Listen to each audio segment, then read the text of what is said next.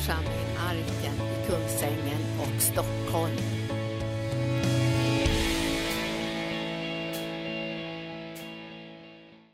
Så idag ska jag predika för er, men först ska jag ge några böneämnen. Och det första böneämnet är att nu har brevet gått till Skolinspektionen. Vi har jobbat i många, många år, jag tror att jag har jobbat snart i tio år, med inre bön för barn. Och jag har skrivit ett pedagogiskt material som är liksom hela tiden på bearbetning. Och vi har gjort en CD-skiva som, som vi har läst in. Margot Zetterlund har läst in den, kort CD-skiva för barn. Och nu skickar vi till Skolinspektionen att få samma status på inre bön barn som man har på mindfulness och yoga i skolan.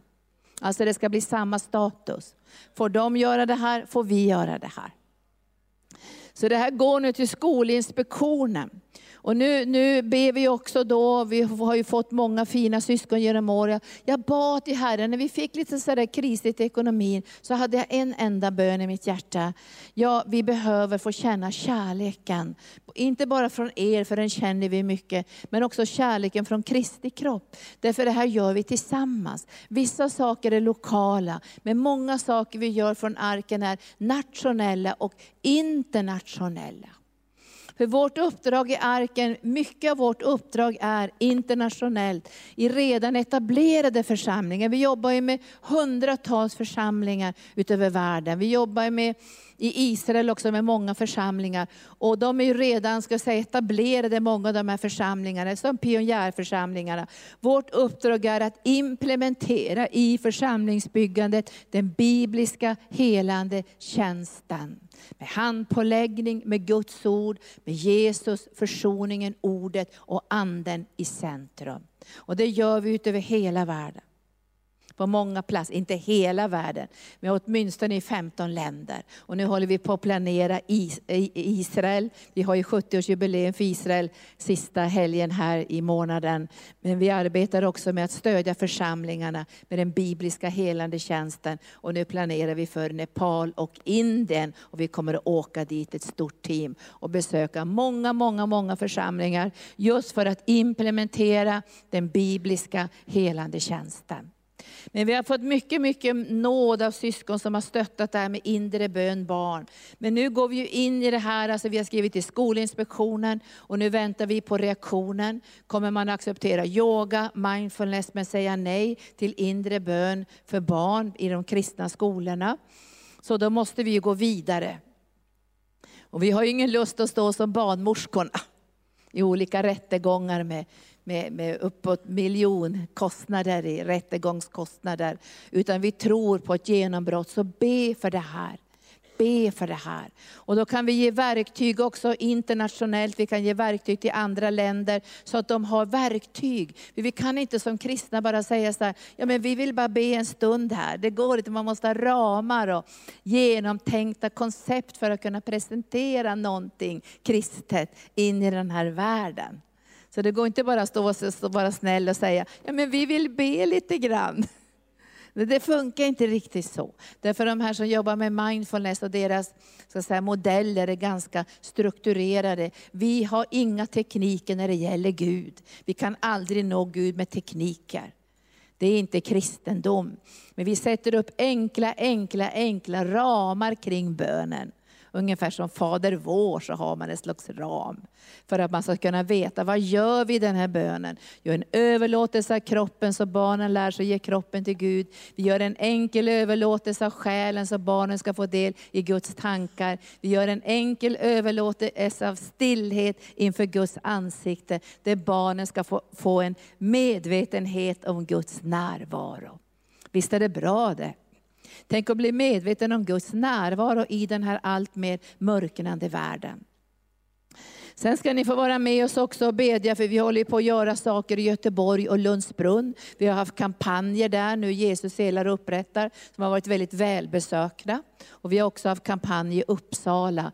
Och, men i Göteborg och Lundsbrunn håller vi på med något som heter utvidgad församlingsplantering. Nu är vi, vi har ju haft under många år en utpost i Göteborg. Men ska man göra en församlingsplantering så måste man ha flera ingredienser med. Så nu går vi in i ett, ett mentors och ett förböns och bönefas, där vi ber för alla de saker som ska till. Och det ber vi också i arken hela tiden. Vi är ju hela tiden i förnyelse. Vi ber om barnarbetare, vi ber om evangelister, vi ber om dem som ska vara i, i, mera i ledarskap för att bygga församlingen. Vi ber att vi ska få olika sakerna på plats, så att alla delar finns på plats i det här församlingsbyggandet som ska bli i Göteborg och Lundsbrunn. Och då måste vi få in människor i Lundsbrunn som, jag brukar säga, vi tänker inte gå och plocka i andras församlingar, det gör vi aldrig. Det tycker vi är emot all heder. Utan vi tror på att vinna människor för Jesus i de här, den här församlingsbildningen. Och vi tror också att människor finns överallt som inte är med i någon församling.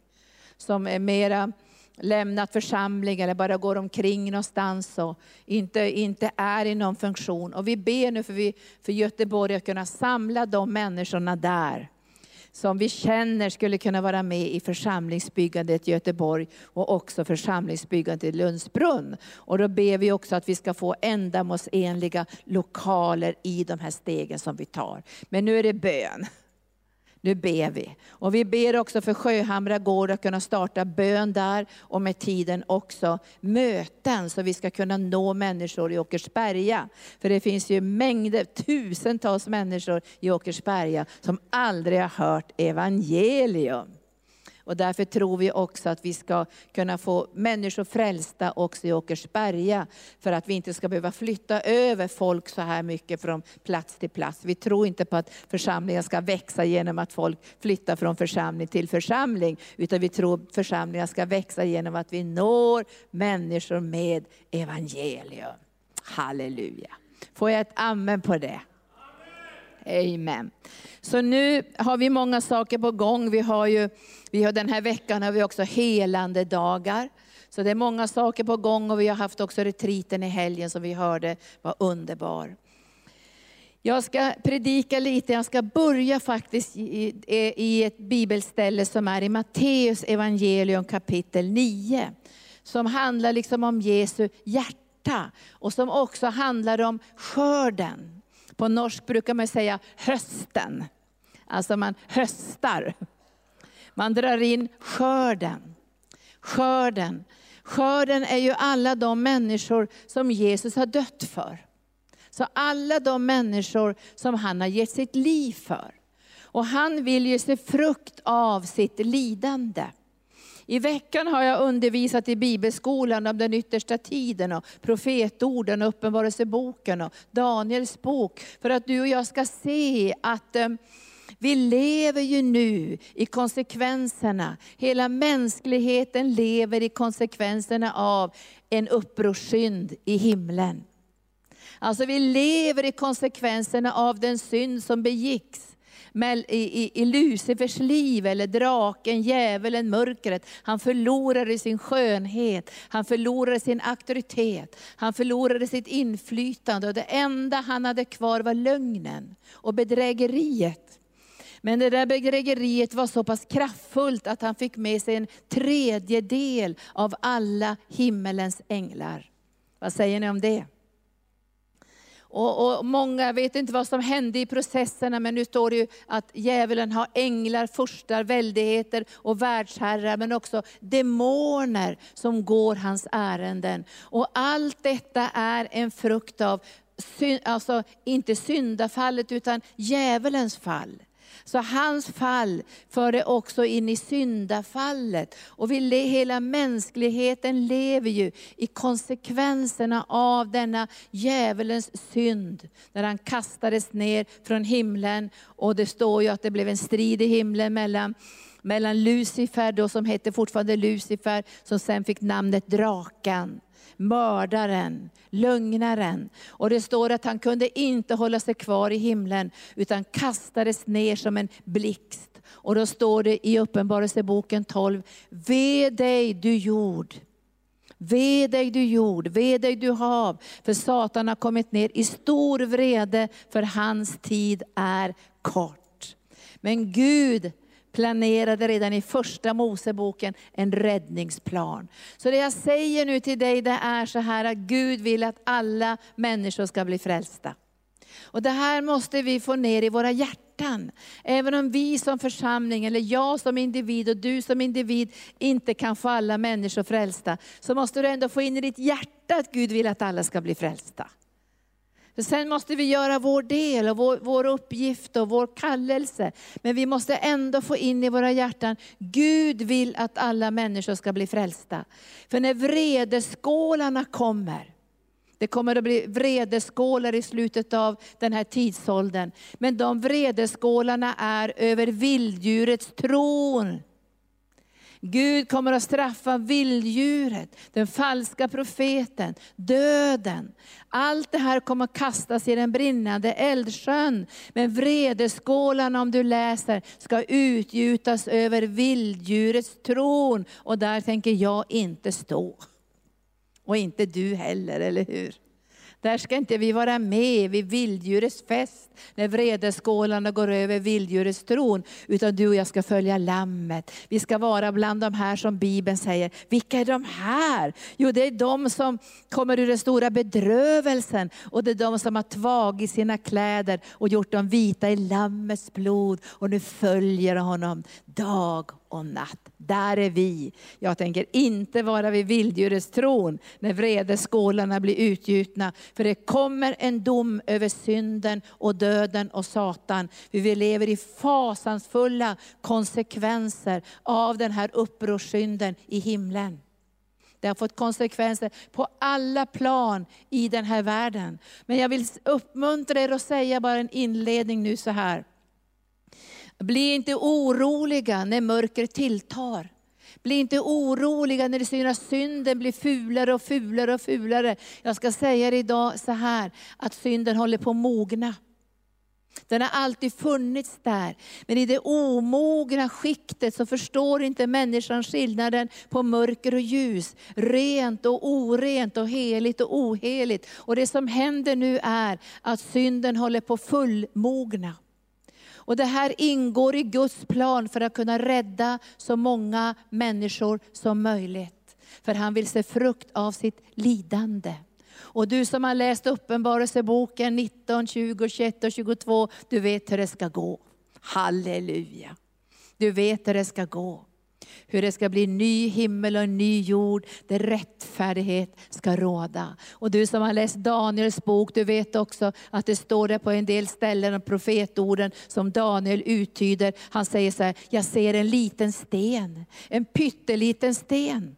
För nu har den här stora statyn, ni vet alla herrar och kungar och regeringschefer, alla som har fläskat sig genom tiderna och förorsakat lidande på olika sätt. Den här stora statyn. Och så ser Daniel, oj, en liten sten lösgörs och den slår mot fötterna på statyn. Vet ni vad som händer?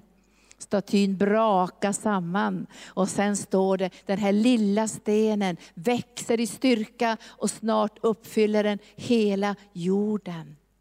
Och sen ser Daniel en annan syn. Vad är det här för någonting? Han ser en gamle sätta fram troner och så öppnas böcker. Och så säger Daniel så här, jag tycker jag ser en människoson komma.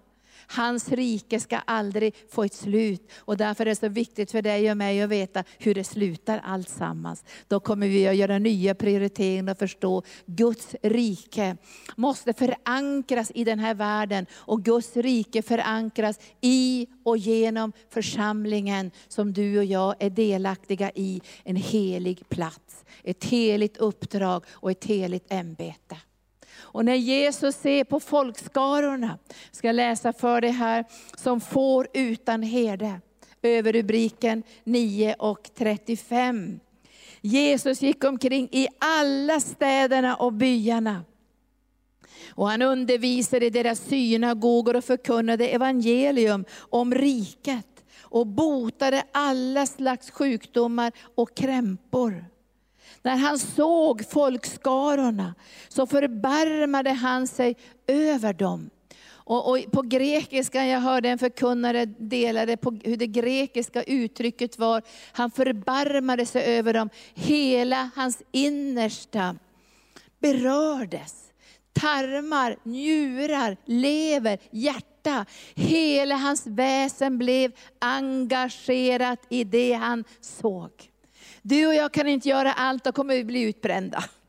Vi kan inte lyssna på vad alla gör och titta på alla tv-program och se vad gör de och vad gör de och vad gör de och vilka trender är moderna nu. Utan vi måste tänka, vad ska vi göra? Och det som vi ska göra, ska vi göra bra.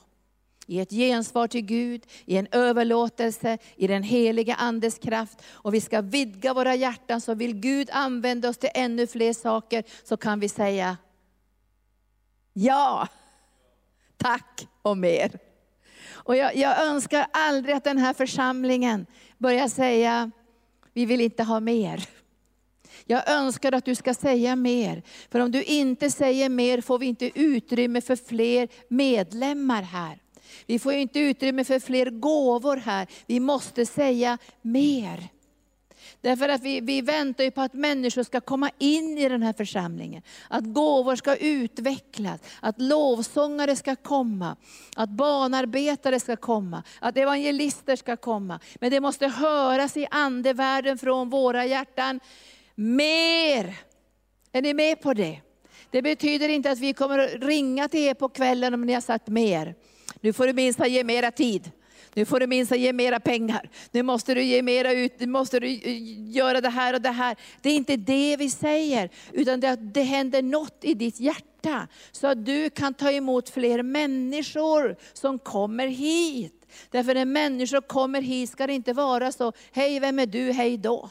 Utan de, vi måste hjälpa dem att börja kommunicera vad de har för gåva i sitt hjärta. Ibland möter jag människor som säger så här, ja, jag har väntat här i arken fem år, det var det aldrig någon som frågar efter mig.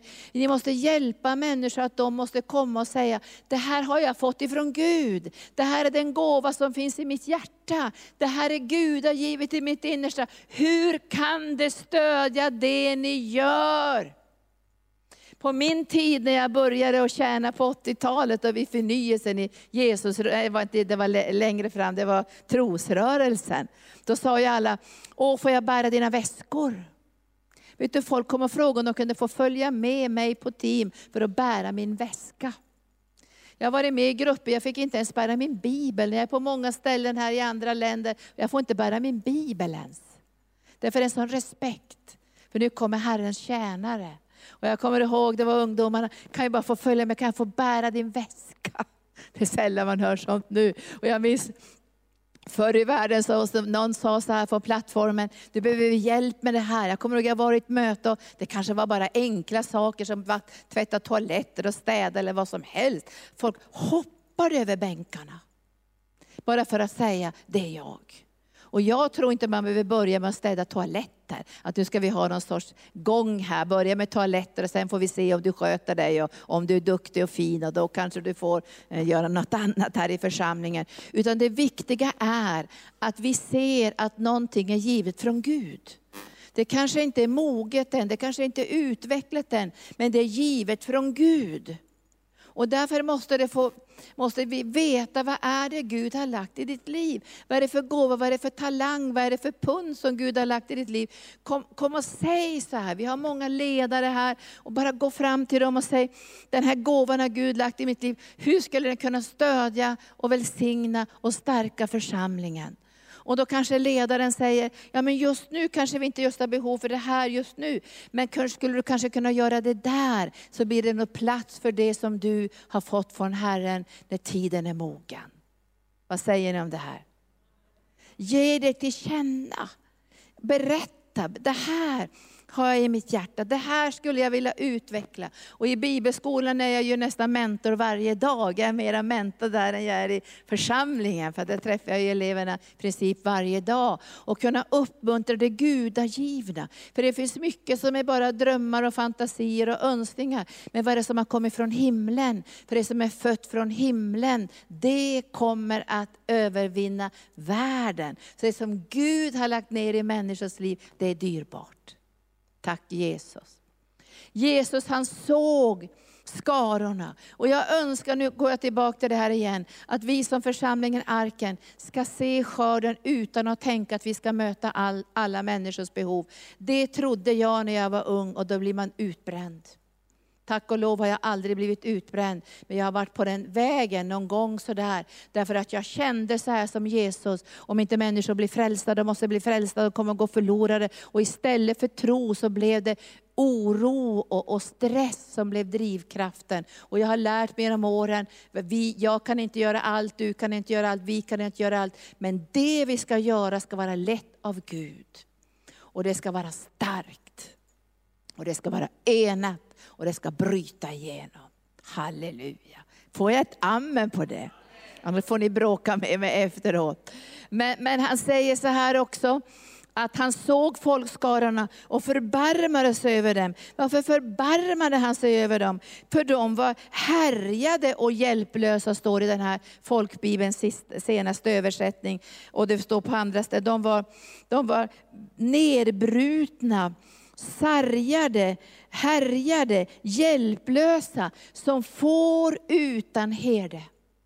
Som får utan herde. Och har vi inte herdehjärta, och vi behöver alla ha herdehjärta, så samlar vi inte människor. Då samlar vi inte människor. Nu älskar ju Gunnar stimmen och jag älskar pingvinerna.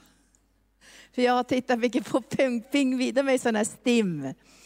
Och när pingvinerna har fått sina ungar så har de längst ner vid fötterna sådana här små, eh, det är som fack, eller man ska säga, liksom, så pingvinungarna kan krypa in lite grann där, så försöker de hålla ihop fötterna så inte ungen faller. Och så blir det så här fruktansvärda stormar. Och de måste försöka tränga ihop sig på ett sådant sätt så ungarna inte ska dö. Och då, och då, tränger de ihop sig så att de, vissa blir jättevarma och de som är längst ut är kalla. Och så måste de förflytta sig så att alla ska få del av den här värmen. Och så går mammorna så här och försöker hålla kvar ungarna. Och jag såg en unge som frös ihjäl därför hon kom inte in i den där värmen. Och hon försökte få liv i den. De andra pingvinerna försökte få liv i den där. Och till sist så fick de in den i den här fickan fast den var död. Så de tänkte att den kanske värms upp i alla fall. Men det var ju för sent och hon skulle få vänta till nästa år. Men det grep mitt hjärta, den här barmhärtigheten som får utan herde. Och han sa till sina lärjungar, skörden är stor, men arbetarna är få. Be därför skördens Herre att han skickar ut arbetare till sin skörd. Och det här tycker jag är en väldigt bra gång. Därför om du inte ber skördens Herre kommer du bli på dåligt humör. Du kommer att se, här brister det lovsångare, här brister det mötesvärdar, här brister det, här brister det evangelister, här brister det lärare, här brister det missionärer, här brister det på alla områden. Och så kan man räkna in och så blir man sur för man tycker att det saknas. Och det blev ju Märta, eller hur? Hon kände det där trycket av att stå själv i köket. Men Jesus säger, be skördens Herre Tänk att skördens Herre har en så sargad och härjad skörd. Vad är det för konsekvenser? Vad är det som har skett i syndafallet som gör att människor har farit så fruktansvärt illa, så när Jesus ser på Herrens skörd så säger han, härjade, illa medslagna, sjuka, förstörda. De är som får utan herde. Vi behöver församlingar där det utvecklas en atmosfär och en närvaro och en, en kultur av herdeskap. Där vi bryr oss om varandra, där det finns kärlek, där det finns omsorg och där alla generationer står sida vid sida. Nu profeterar jag det. Unga, tonåringar, bebisar, alla ska få ett hem.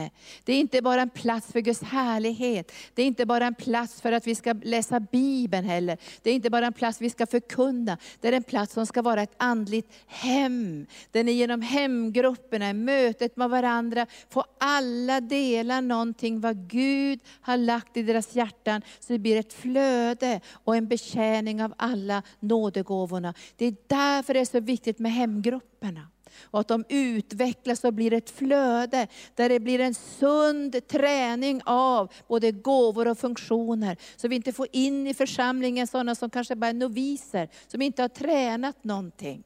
Utan det måste tränas, det måste fostras, det måste vara mentorskap i de här hemgrupperna och stödgrupperna för att det ska bli en stark och levande församling. Då får ni säga halleluja igen. Tack Jesus. Jag känner jag behöver liksom det här stödet idag, för nu pratar jag här som lägger lite sån här grund i det som Herren längtar efter att göra. Och då, då ska jag berätta för er, nu ser ni det här va, alla ska bli frälsta. Den här nöden kommer att läggas i våra hjärtan. Därför är det en övernaturlig nöd. Och jag tror att den kommer utifrån en längtan för att man har sett någonting. Och, och jag, när jag var ung på början på 80-talet, då jobbade jag fortfarande som diakonissa i Lutherska kyrkan. Men det var någonting som hände i mitt hjärta. Och mina flickor nämnde det ordet i det tv-program jag gjorde med dem som hette, som det skulle handla om, om 1987 då. Men de sa någonting, Linda sa de, du gav oss någonting som vi inte har kunnat ge våra barn.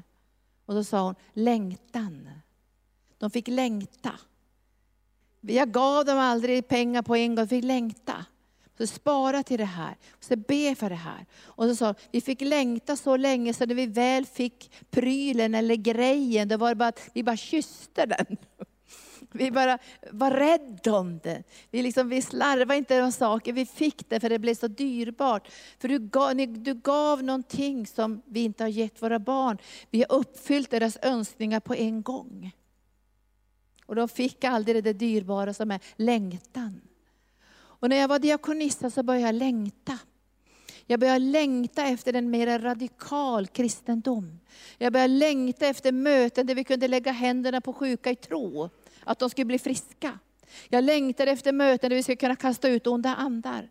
Jag längtar efter möten där vi kom samman och inte bara pratade en massa prat. Jag, för, jag klarar inte av sånt nästan. Att vi sitter en halvtimme och pratar något prat, utan för mig där, kom till skott nu. Nu ska vi be till Herren och flöda i anden och betjäna människor. Ska det bryta igenom så att jag är ju bara sån, jag är inte intresserad av något annat. Men jag är bara sån, du kanske är på ett annat sätt. Men jag kände så här, jag, bör, jag började nästan känna, jag står nästan inte ut, det, det är bara prat. Kan vi inte komma till skott? Och det var jättefina människor också, det var inte fel på det. Men det blev en längtan i mitt hjärta, det jag måste få se mer Guds härlighet, det måste bli radikalt. Vi måste ge utrymme för lovsången. Vi måste ge utrymme för, för dansen och sången i anden. Vi måste ge utrymme för tjänstegåvor. Vi måste ha vision, vi måste se vad Gud vill och gå på den vägen. Vi kan inte bara vara som liksom privata hästar som springer över bergen. Var är ni på väg? Ja, det vet vi inte vi bara springer på en signal. Utan det måste vara tyglar i anden, så vi vet allihopa vad vi är på väg. Och jag, jag hade den här längtan. Och den här längtan, jag var ju högkyrklig sammanhang som var nästan på vägen lite grann åt det katolska bland många av mina vänner. Så jag hade det där med altarplatsen väldigt levande i mitt liv. Och jag skulle ut på en retreat med präster och diakonissor. Och det var en sen sommar. Och, och, jag hade en sån längtan så jag, Gud jag ska gå ut i skogen och så ska jag göra någonting där som jag, jag ska fortsätta att göra hela livet. Jag ska hitta en sten, så ska jag lägga mig på stenen och så ska jag säga till Gud, nu överlåter jag mig till dig Gud och jag håller ingenting tillbaka. Och jag visste någonstans, tar jag de stegen, vad händer? Vad kommer att hända med mitt liv? Jag struntar i det. För det blev en längtan som blev så stark så det var som att den, det föddes. Och när jag kom på den där retriten, så, det var ju tyst retreat och lite kyrklig retreat, men på eftermiddagen så kände jag, nu letar jag reda på stenen. Och jag gick ut i skogen och jag hittade inte den stora stenen så jag gick och letade på alla möjliga platser. Men jag hittade en sten i alla fall. Så ställde jag mig där på stenen och då hörde jag ropet från skörden. Och jag ska be idag för dig. Och jag kände det i helgen också, du ska, måste höra ropet från skörden. Men när du hör ropet från skörden så måste du känna så här, nu måste vi vara trogna det Gud har kallat oss till. För vi kan inte nå varenda människa med evangelium. Jag lovar, det kommer bli utbränd på två år. Därför det ska ske i och genom församlingen. Församlingen ska vara basen, styrkan, rötterna för allt som ska genomföras. Och jag la mig på den där stenen. Jag la mig på stenen. Och jag sa, Herre jag överlåter mig, kosta vad det kosta vill. Men jag tänker inte att mitt liv bara ska inte spillas bort, men att det inte ska bli det där som du har lagt i mitt hjärta. Men jag visste, jag måste överlåta allt. Det handlar inte om vassa armbågar, det handlar inte om att nu måste jag bli kompis med dem där, eller få inflytande någonstans där. Jag visste någonstans att det här handlar om att jag måste dö från mitt eget, för att Gud skulle kunna få en upp, uppenbarelseplats, eller en uppståndelseplats i mitt liv då hände det där. Jag har aldrig haft några stora visioner och grejer så. Det här är ganska unikt, det har aldrig skett sedan dess. Och det är ingenting som jag säger, jag är ingen, inga av profeterna som säger att jag får profetier varje dag, det är inte så. Men plötsligt såg jag någonting. Det kom som en gråt först så här på insidan. Och det var långt innan man pratade om barnsnusbön och sådana här saker. Men det kom en gråt på insidan. Och min första reaktion var, vad är det som händer med mig? Vad är det som händer? Och utifrån den här gråten så hörde jag Jesus säga, eller den heliga ande sa, det var, han sa, det är Jesus som gråter. Det är Jesus som gråter. Och jag tänkte, varför gråter Jesus? Och då såg jag en syn, jag har aldrig sett någon sån här syn förut. Men jag, såg, jag vet inte om jag såg miljoner människor.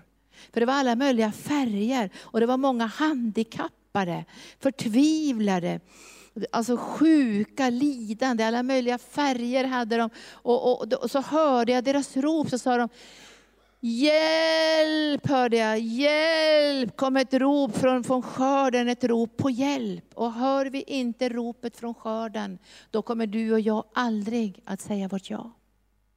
Vi kommer aldrig få något mer i församlingen, vi kommer bara tjafsa tjafsa, jag är inte nöjd med det där och jag är inte nöjd med det här och det har jag, nu har jag emot det här och pastorn kanske inte klär sig som han ska och kanske han är lite för gammal, måste vi göra något annat eller kanske Linda är för gammal eller för ung eller vad det kan vara, inte vet jag. Och så knotar vi och knorrar och så, och, så, och så börjar vi känna att det händer saker som gör att välsignelsen som Gud har för oss viker tillbaka. Men nu vänner ska jag profetera och säga att vi går in i en ny tid. Vi ser det, många som ser det nu, både för arken och för andra sammanhang. Och vi hade ju Birger Skoglund där. Alltså nu håller vi på att få, vi har haft en behållare i arken, men den har blivit större nu. Jag profeterar och säger det till dig. Vi har haft en behållare i arken tills nu, men nu har vi fått en större behållare en mycket större behållare. För Gud är på gång med någonting i Norden, världen utöver över världen. Ett gigantiskt flöde av den heliga Ande. Jag tyckte inte om det Botsma var här, ni kommer upp Patricia Botsma, så sa hon, det händer något över hela världen som inte vi tycker om, sa hon. Det händer någonting, det, det håller på att bli en reningsprocess i anden. Och så sa Patricia Botsma, det har skett i Ketchefire, det sker över hela världen. Det är som att vattnet dras ut.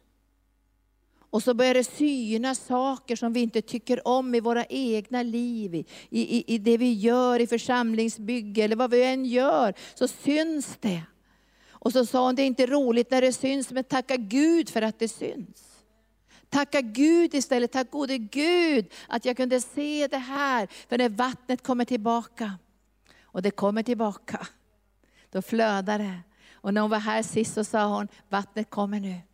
Vattnet kommer nu, vattnet kommer nu, vattnet kommer nu i en ännu större behållare. Nu profeterar jag det. En ännu större behållare. Och den behållaren, jag vet inte om den är så jättesnygg så att den har alla möjliga rosor på sig och guldskrifter och sånt. Men den håller vattnet i alla fall. Den håller vattnet. Den har inga hål och den har inga revor, den håller vattnet. Den kanske är den snyggaste behållaren, så de jämför behållarna, arkens behållare och megaförsamling i Amerika, så kanske de inte tycker att det är den snyggaste behållaren. Men jag måste säga, innehållet, wow. Innehållet, wow. Guds härlighet, Guds närvaro, Guds flöde. Tack Jesus. Skördens rop. När jag hörde skördens rop så hörde jag Jesus säga, skörden är stor men arbetarna är få. Och då gjorde jag det där, så, så här har du mig, ta mig då, om du inte har någon annan så ta mig, ta mig, ta mig, ta mig. Och från den dagen blev jag som jag kallade mig själv, jaga Jesu mantel. Jag höll tag i manteln och sa, använd mig Gud, använd mig Gud, använd mig Gud. Och jag kommer ihåg från att jag hade jobbat som en liten enkel diakonissa, där det skedde väl inte så mycket, så började människor komma från alla möjliga håll. Jag hade så mycket människor på mitt kontor så jag kunde inte ta hand om alla. Alltså det gick inte, det fungerade inte i själavården, det, alltså det blev alldeles för mycket. Och efter två år så kände jag så här, jag är på väg att bli utbränd. Det här funkar inte. Och jag satt i själavård nästan dag och natt med människor och bad för dem och fick kallelse. Jag kommer ihåg, jag hade fick kallelse, jag hade aldrig fått någon kallelse, mer än kanske i Svenska kyrkan och i EFS. Plötsligt fick jag kallelse, baptistkyrkor, missionskyrkor, överallt fick jag kallelse. Och så märkte jag att det här gamla hjärtfelet jag hade, det började som börja återkomma och jag började få arytmi och var tvungen att boka av de här kallelserna. Därför, och, och så en natt så ringde det någon som var så förtvivlad. Det bara grät i telefonen och jag somnade mitt under själavårdssamtalet.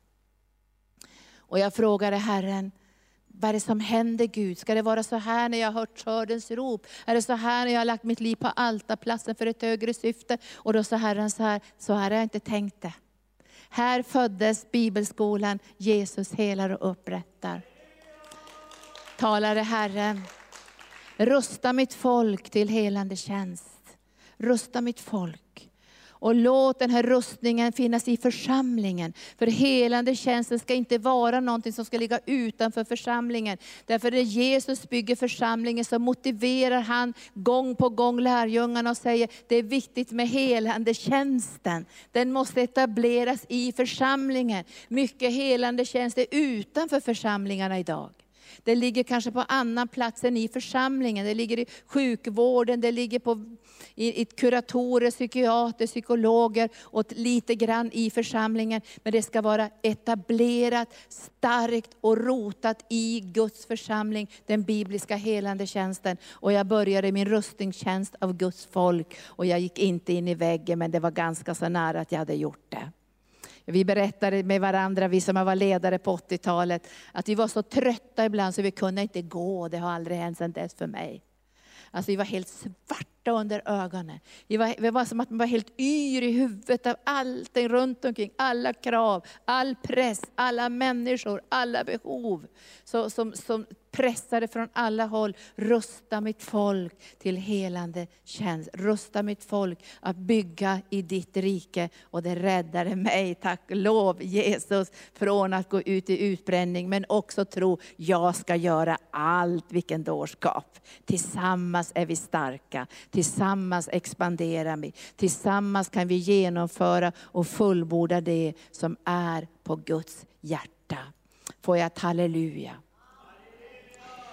Ditt liv är viktigt, din funktion är viktig. Och när vi läser Uppenbarelseboken, läser Jesu förutsägelser om framtiden, så talar han ju i mörka toner. När sigillen öppnas, när sigillen öppnas, nu håller jag så mycket jag vill säga idag, men jag ska sluta snart. När sigillen öppnas så får man se in i framtiden. Och den är inte ljus. Men det blir ändå ljus om vi handskas med den på rätt sätt. Evangelium ska till alla folk. Lyft era huvuden, er förlossning är nära. Var inte rädda när ni hör allt det där. Och sen låter Gud änglarna blåsa i basun. Så när varje fas kommer genom uppenbarelseboken och när det ska ske olika saker, så talar Gud om det för oss. Så basunen är inte för att skrämma livet av oss och gömma oss i källan. Utan basunerna handlar om att Gud berättar för sin församling, nu är det här på väg, nu är det här på väg, nu kommer det här att ske, ni måste göra er redo, ni måste koppla ihop, precis som man gör i Israel nu. Man börjar öppna de här eh, skyddsrummen, man förbereder. Jag har ju varit i Israel och sett de här skyddsrummen, till och med på busshållplatserna finns det skyddsrum. Varenda busshållplats har skyddsrum uppe vid Gaza. Och när det, när det när ljudet, ljudet basunen, då öppnas de här skyddsrummen automatiskt. Så när Gud kommer att in, berätta för oss när saker och ting kommer att ske, så kommer basunen att ljuda så du och jag ska vara helt trygga i varje skede innan Jesus kommer tillbaka på himmelens skyar.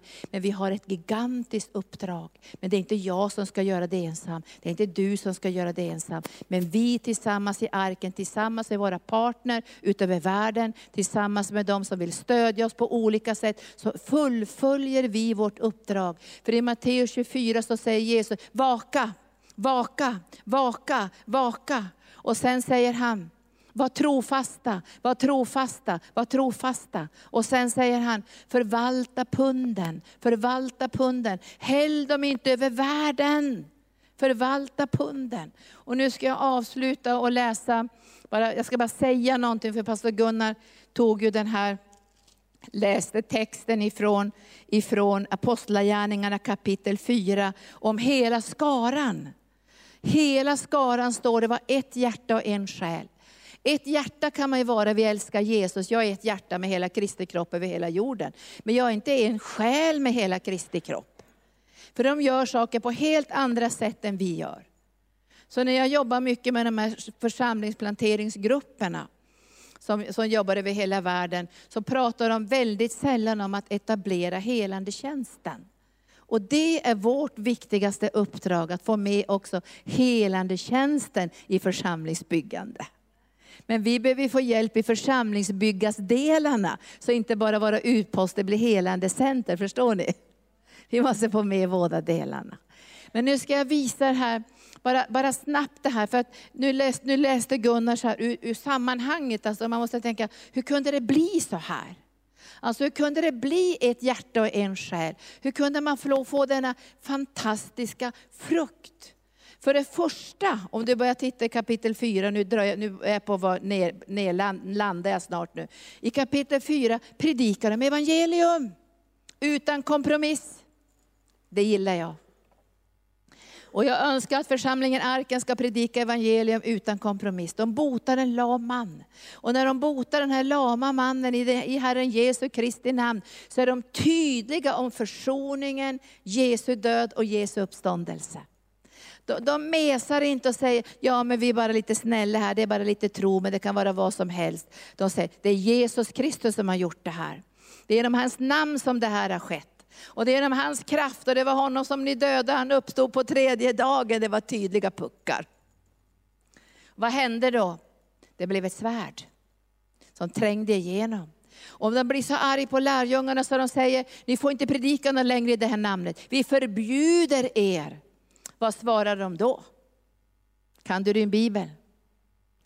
Döm själva, ska vi lyda er mer än Gud. Men vi för vår del kan inte låta bli att tala om vad vi har sett och hört. Det skapar enhet. Och det skapar en sån enhet, så när apostlarna blev förföljda och utsatta, de blev ju kränkta också, för man slog ju dem. Man förbjöd dem att prata i namnet Jesus, men reaktionen från församlingen blev helt en annan. Halleluja. Vad gjorde de för någonting? De samlade ihop hela gänget och lärjungarna kände nu kommer vi hem till våra egna som har samma DNA, samma vildhet och samma kraft i anden. Och de börjar bedja. Och de börjar bedja med en sån frenesi, så de säger så här, Herre säger de i 4 och 29, nu Herre, se hur de hotar oss. Hjälp dina tjänare att vara frimodiga och förkunna ditt ord, genom att du Jesus sträcker ut din hand och låter under och tecken ske genom din helige tjänare Jesu namn. Egentligen skulle de säga så här, låt det bli ännu värre. Halleluja. Låt det bryta igenom. Och då händer det någonting. Guds gensvar från himlen kommer. Alltså jag kan tänka mig, kommer Guds gensvar när vi är så här radikala? Kommer Guds gensvar när vi, när vi, när vi utmanar krafter och makter och, och till och med politiken? Vad, blir, vad händer i himlen då? Vi ska vara visliga, kärleksfulla, laglydiga. Det finns, vi, vi, talar, vi talar det också. Du ska inte köra 130 när det är 110. Det är inte på det planet, men när det gäller evangelium så har vi ett uppdrag, för vi har hört vad vi har hört för någonting, ropet från skörden. Gud har gett sitt liv genom Jesus Kristus för hela mänskligheten. Han vill inte att, att, att den här vredeskålen ska gjutas över människor. Den ska gjutas över vilddjurets tron, den falska profeten och djävulen, hans änglar och demonerna. Och nu ber de så kraftfullt att Guds ande faller och alla blir uppfyllda av den heliga ande. Och varenda en i församlingen börjar predika Guds ord med frimodighet. Vilken frukt! Alltså det här blir frukten. Alla börjar predika Guds ord med mycket, mycket stor frimodighet. Och sen kommer den text som Gunnar läste. Då blev frukten ett hjärta och en själ ett hjärta och en själ. Och de höll ingenting för sig själva, för de levde för ett högre syfte. De hade hört ropet från skörden. Och när du börjar höra ropet från skörden så är det inte säkert du ska bli evangelist. Jag blev inte evangelist när jag hörde ropet från skörden. Jag fick rösta Guds folk. När Josef hörde ropet från skörden så blev inte han evangelist heller. Han blev administratör. När du hör ropet från skörden så kommer du att känna, jag kanske måste gå in i lovsången. För Gud behöver en tron för att alla de här människorna som har blivit frälsta ska få tillbe Lammet.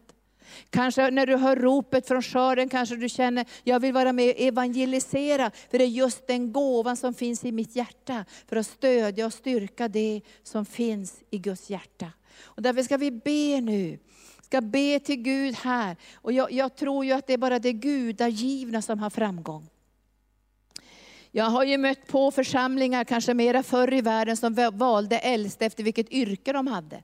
Och den där blir bra äldste, han är doktor. Och den där blir bra äldste för han har pengar och ett företag så kan han gripa in om vi får dålig ekonomi. Så väljer man inte ledare. Nej. Vi väljer inte efter det naturliga. För att du kan möta någon som är överläkare i det naturliga men är bebis i anden. Förstår du vad jag pratar om nu?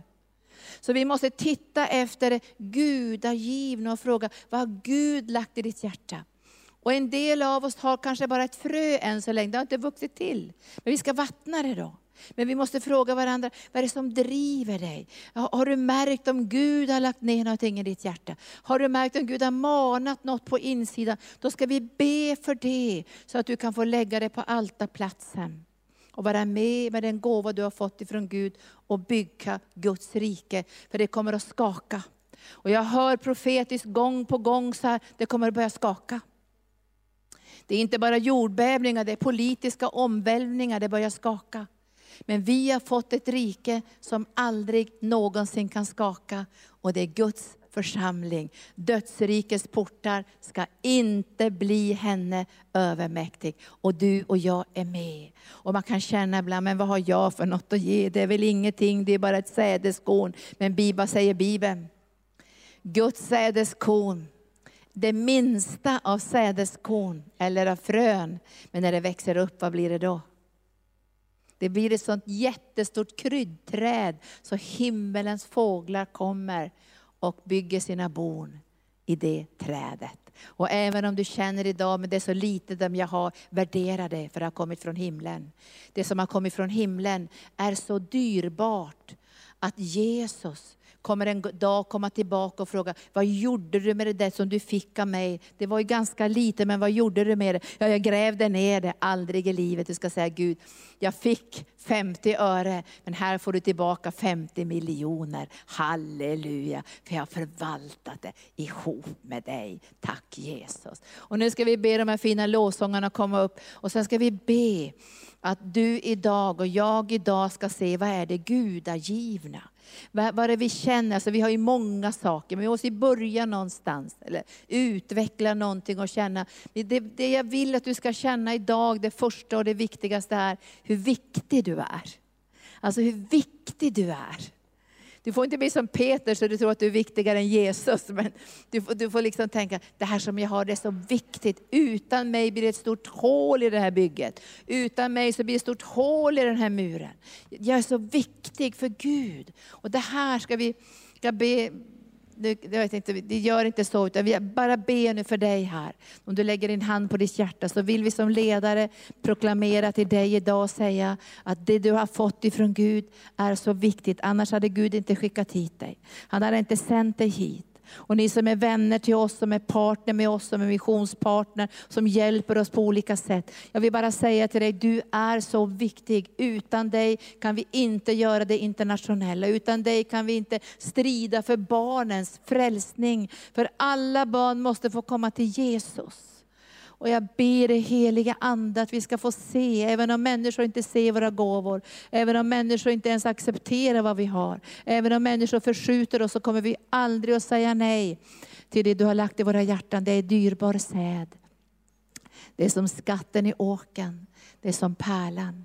För det som du har lagt i våra hjärtan, det är viktigare än allt det andra som finns i den här världen. Av utbildningar och mänskliga kontakter och allt det som människor ger. Det som himlen har gett kommer att övervinna världen. Så rasoria, prendendria och alla lögner att du inte skulle vara viktig och dyrbar. Alla ondskefulla tankar och allt du kanske har hört av, av, av mörker som har slagit emot ditt liv. Det bryter jag nu i Jesu namn. Renende ki anna sinkoa, pregodaya esokiria predionoria mesindria, keio sotrokoria mandestria, resokoria. För du har hört ropet från skörden.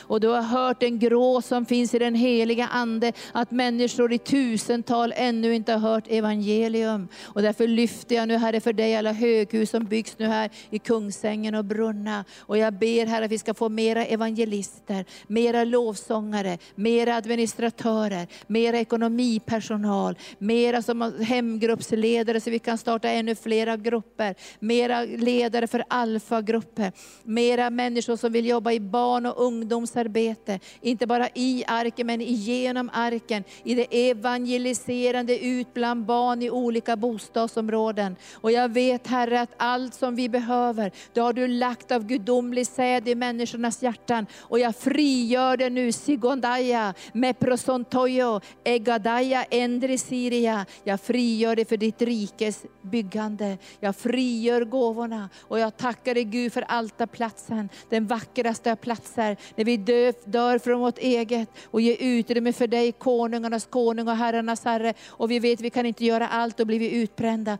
Men vi vet att tillsammans blir vi starka, tillsammans kan vi expandera, tillsammans är vi ett hjärta, tillsammans är vi en själ. Och ingen ska bli utbränd, vi ska gå från härlighet till härlighet, från tro till tro. Därför vi sitter ihop i kroppen. Och är vi svaga i vårt knä så har vi en, en led och vi har en sena vid vår sida. Är vi svag som en del i kroppen så kanske vi har en muskel vid vår sida så vi kan få styrka. Och jag ber så kentairia, med brogon och introsoria, att den här kroppen ska fogas samman med en sån vacker smörjelse, en sån styrka, att alla ska se när de tittar på oss, att här är en gudomlig hand som har rört vid den här församlingen.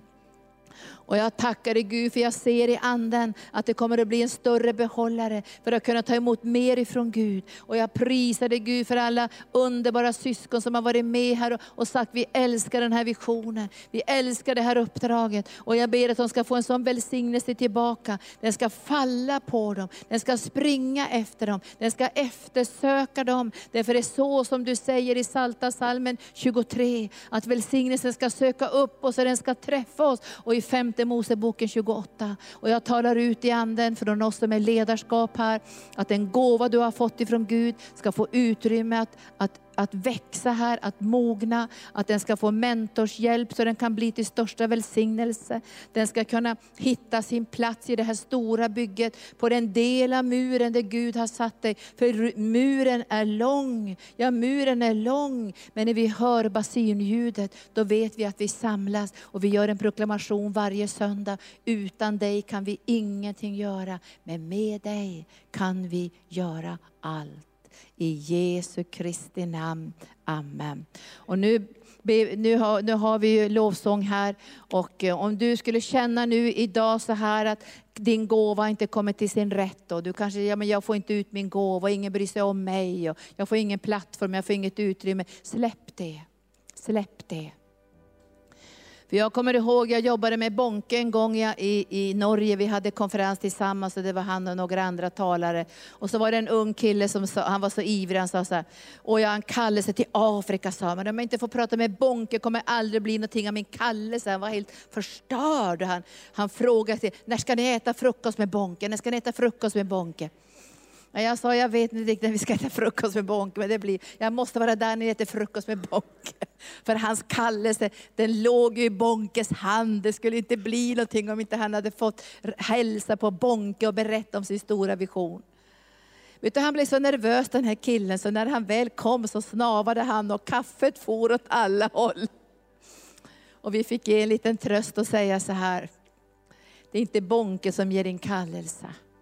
Det är Gud som ger din kallelse.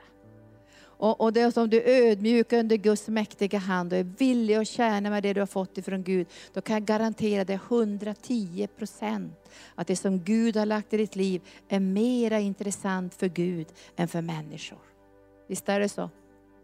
Därför kallelsen kommer från Gud. Sen öppnar Gud dörrar och hjälper oss på olika sätt, men låt Gud vara den som öppnar dörrarna.